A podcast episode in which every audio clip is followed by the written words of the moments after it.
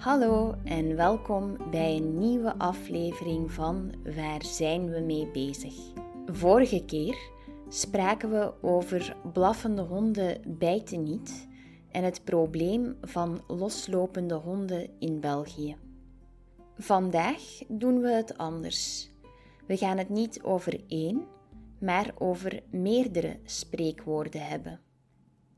Deze spreekwoorden brengen we in verband met de protesten van de boeren. We kijken ook naar de geschiedenis van de boer in België en wat voor invloed dat heeft op onze cultuur. Net zoals in veel landen was wat nu België is, vroeger een agrarische samenleving. Dat betekent dat het vooral een land van boeren was. Bijna iedereen werkte op het land. Het boerenleven was heel belangrijk. Daarom hebben we veel spreekwoorden over boeren. Bijvoorbeeld, wat de boer niet kent, dat eet hij niet. Dat zegt dat boeren vaak dingen niet vertrouwen die ze niet kennen. Dus wat een boer kent, dat eet hij wel. En de dingen die een boer tegenkomt in het dagelijkse leven, dat wil zeggen de dingen waar een boer op een normale dag mee in contact komt, die gebruikt hij in spreekwoorden. Dat het landbouwleven een grote rol speelt in onze cultuur is duidelijk. In de jaren negentig was er een serie voor jongeren genaamd Buiten de Zone. In één aflevering maakten ze grapjes over hoe er in Vlaanderen alleen maar boerenfilms werden gemaakt. Hoewel dat nu anders is, en de laatste bekende Vlaamse boerenfilm die ik ken Runskop is, uit 2011, ben ik opgegroeid met het idee dat veel Vlaamse boeken, films en kunst over het leven op de boerderij gaan. Toen ik klein was, bracht ik de zomervakanties door bij mijn grootouders op het platteland, waar ze veel dieren hadden. De broer van mijn grootmoeder, dat is mijn oudoom, had zelfs een echte boerderij met varkens en koeien. Toen mijn moeder klein was, had zij zelfs een koe als gezelschapsdier. Dat om maar te zeggen dat voor mij het boerenleven nooit weg te denken was uit mijn familiegeschiedenis. Misschien heb ik er een vertekend beeld van en zie ik het boerenleven als belangrijker dan het is, omdat ik er zelf mee ben opgegroeid. Maar ik weet dat ik niet de enige ben van mijn leeftijd die nog banden heeft met de landbouw. Dat is volgens mij ook de reden dat veel mensen, volgens het nieuws 9 van de 10 mensen, begrip hebben voor de boerenprotesten, zelfs als ze het niet altijd eens zijn met hoe de protesten worden geuit. Laten we de koe bij de horens vatten, dat wil zeggen meteen beginnen en kijken naar de landbouwgeschiedenis in België. En als ik het heb over België in de jaren voordat België bestond, bedoel ik de gebieden die we nu België noemen. De geschiedenis van de landbouw in België is interessant en heeft veel verschillende kanten. Lang geleden, in de prehistorie, deden mensen aan landbouw uit zelfvoorziening. Dat wil zeggen om voor zichzelf te zorgen. Alles wat ze hadden was bedoeld voor eigen gebruik. Toen de Romeinen hier kwamen, veranderde dat. Zij zorgden voor nieuwe manieren van werken, nieuwe planten om te groeien en betere wegen en gebouwen. In de middeleeuwen werkten veel boeren in België op grond die van rijke mensen of van de kerk was. Zij waren geen vrije mensen, maar moesten werken voor de eigenaar van het land. Ze verbouwden vooral graan, hadden dieren zoals koeien en schapen en maakten eten voor iedereen. In de 17e en 18e eeuw veranderde de manier van boeren in België. Boeren is zowel een werkwoord dat gebruikt wordt om het werk van de boer aan te duiden, als het meervoud voor het woord boer. De boeren begonnen meer te produceren voor de verkoop, niet alleen voor hun eigen familie. Ze gingen zich specialiseren in bepaalde planten of dieren. Er kwamen ook meer kleine boerderijen die door families werden gerund, echte familiebedrijfjes. Tijdens de industriële revolutie in de 19e eeuw veranderde er veel voor de landbouw in België. Boeren gingen meer letten op hoe snel en hoeveel ze konden produceren. Door nieuwe machines en manieren van werken konden ze meer eten en andere landbouwproducten maken. Ook de twee wereldoorlogen hadden een enorme impact op de Belgische landbouw. Er was schaarste, dat wil zeggen een tekort aan arbeidskrachten en materialen. En de oorlogsschade was enorm. Na de Tweede Wereldoorlog begonnen boeren snel nieuwe manieren en machines te gebruiken om te boeren. In de laatste twintig jaar is het aantal boeren in België gehalveerd. De landbouw is veel gemoderniseerd, met minder boerderijen, maar een hogere productie per stuk land. Er wordt nu ook meer aandacht besteed aan het milieu, biologisch boeren en het volgen van de regels van de Europese Unie. De landbouw heeft ook een diepe culturele impact gehad op België. Dit is terug te zien in de Belgische kunst, films en verhalen. Voor films had ik daarnet Rundskop vermeld. De eerste boerenfilm waar de meeste Vlamingen aan zullen denken, zal De Witte zijn, gebaseerd op het boek De Witte van Zichem van Ernest Klaas. Het verhaal gaat over een jongen in een dorpje aan het begin van de 20ste eeuw. Het gaat niet alleen over boeren, maar het leven op het platteland is wel heel belangrijk in het verhaal.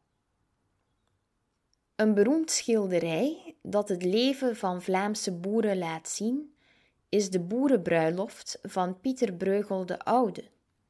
Het is gemaakt in 1567 en laat een trouwfeest zien. Je ziet hoe boeren feest vieren in een grote schuur. Een schuur is een gebouw, meestal van hout, waar gereedschappen, oogst en soms dieren gehouden worden. Het schilderij laat goed zien hoe mensen toen leefden, wat ze droegen en de sociale interacties. Dat is hoe ze met elkaar omgingen. Boerenpsalm is een boek van Felix Timmermans. Het kwam uit in 1935. Het gaat over een boer genaamd Wortel. Hij houdt heel veel van zijn land en gelooft in God. De wereld verandert, maar Wortel probeert hetzelfde te blijven. Het boek laat zien hoe mooi het leven op de boerderij is en hoeveel Wortel van de natuur houdt. Het is een lyrische ode aan het boerenleven en veel mensen vinden dan ook dat het niet overeenkomt met de werkelijkheid, met het harde leven van de boer. En dat was het voor de geschiedenis en waar je het boerenleven kan terugvinden in onze cultuur. Er zijn natuurlijk nog veel meer voorbeelden, maar ik wil het nu hebben over de spreekwoorden omdat er zoveel uitdrukkingen zijn die gebaseerd zijn op het landbouwleven, heb ik er enkele van mijn favorieten uitgekozen om te bespreken. Om het actueel te houden, pas ik ze toe op de boerenprotesten van de voorbije weken. Het eerste spreekwoord dat we bespreken is: Als de vos de passie preekt, boer, pas op je kippen. Dit spreekwoord waarschuwt ons om voorzichtig te zijn met mensen die plotseling heel vriendelijk lijken, vooral als ze dat normaal gesproken niet zijn. Het idee is dat, net zoals een sluwe vos die zich voordoet als onschuldig, deze mensen misschien verborgen motieven hebben. Voor boeren kan dit spreekwoord relevant zijn als ze denken aan hoe ze door politici werden aangemoedigd om hun bedrijf te vergroten of meer te investeren, met de belofte dat die investeringen zouden opbrengen op lange termijn. Achteraf bleek soms dat deze politici niet echt aan de kant van de boeren stonden, waardoor boeren met problemen achterbleven terwijl de politici wel voordeel hadden gehaald uit hun steun. Dit spreekwoord herinnert ons eraan om kritisch te blijven en niet zomaar alles te geloven wat ons wordt verteld. Het paard achter de kar spannen. Het paard achter de kar spannen betekent dat je iets niet in de juiste volgorde doet. Normaal trekken paarden de kar. Maar als het paard erachter staat, werkt het natuurlijk niet. Dit spreekwoord gebruiken we als mensen dingen verkeerd aanpakken. Dit gebeurt soms met het milieubeleid.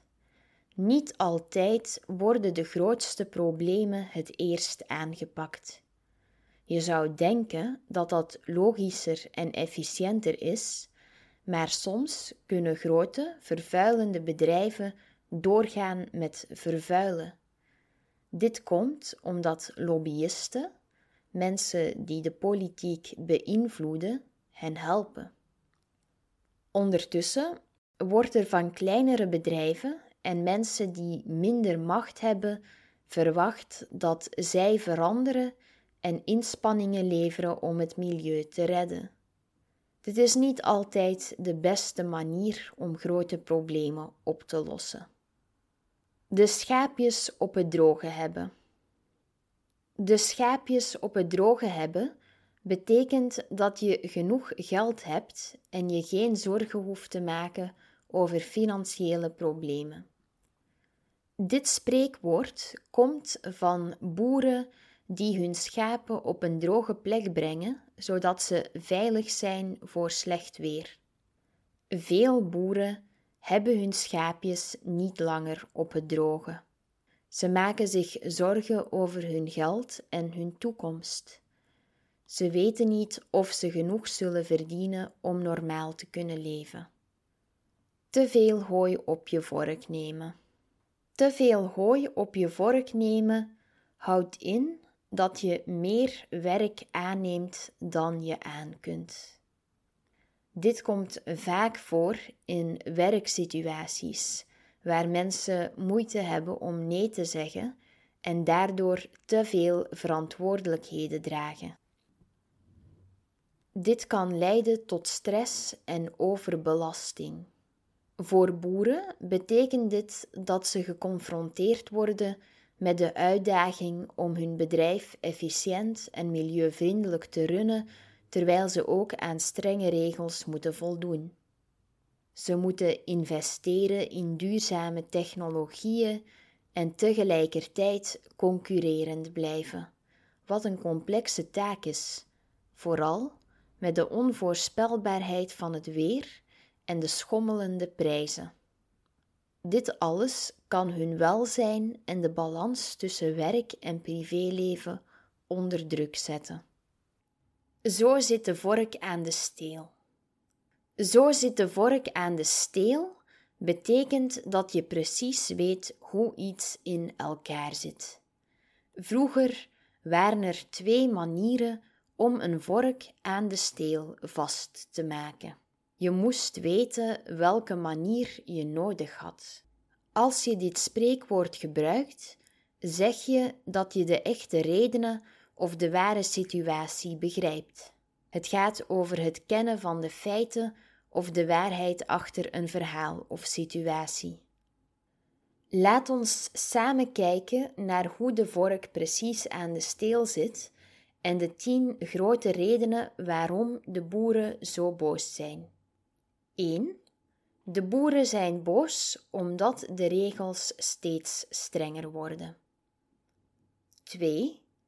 Ze verdienen niet genoeg geld met wat ze verkopen.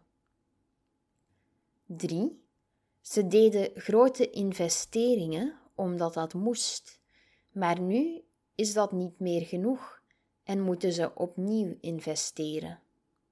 4.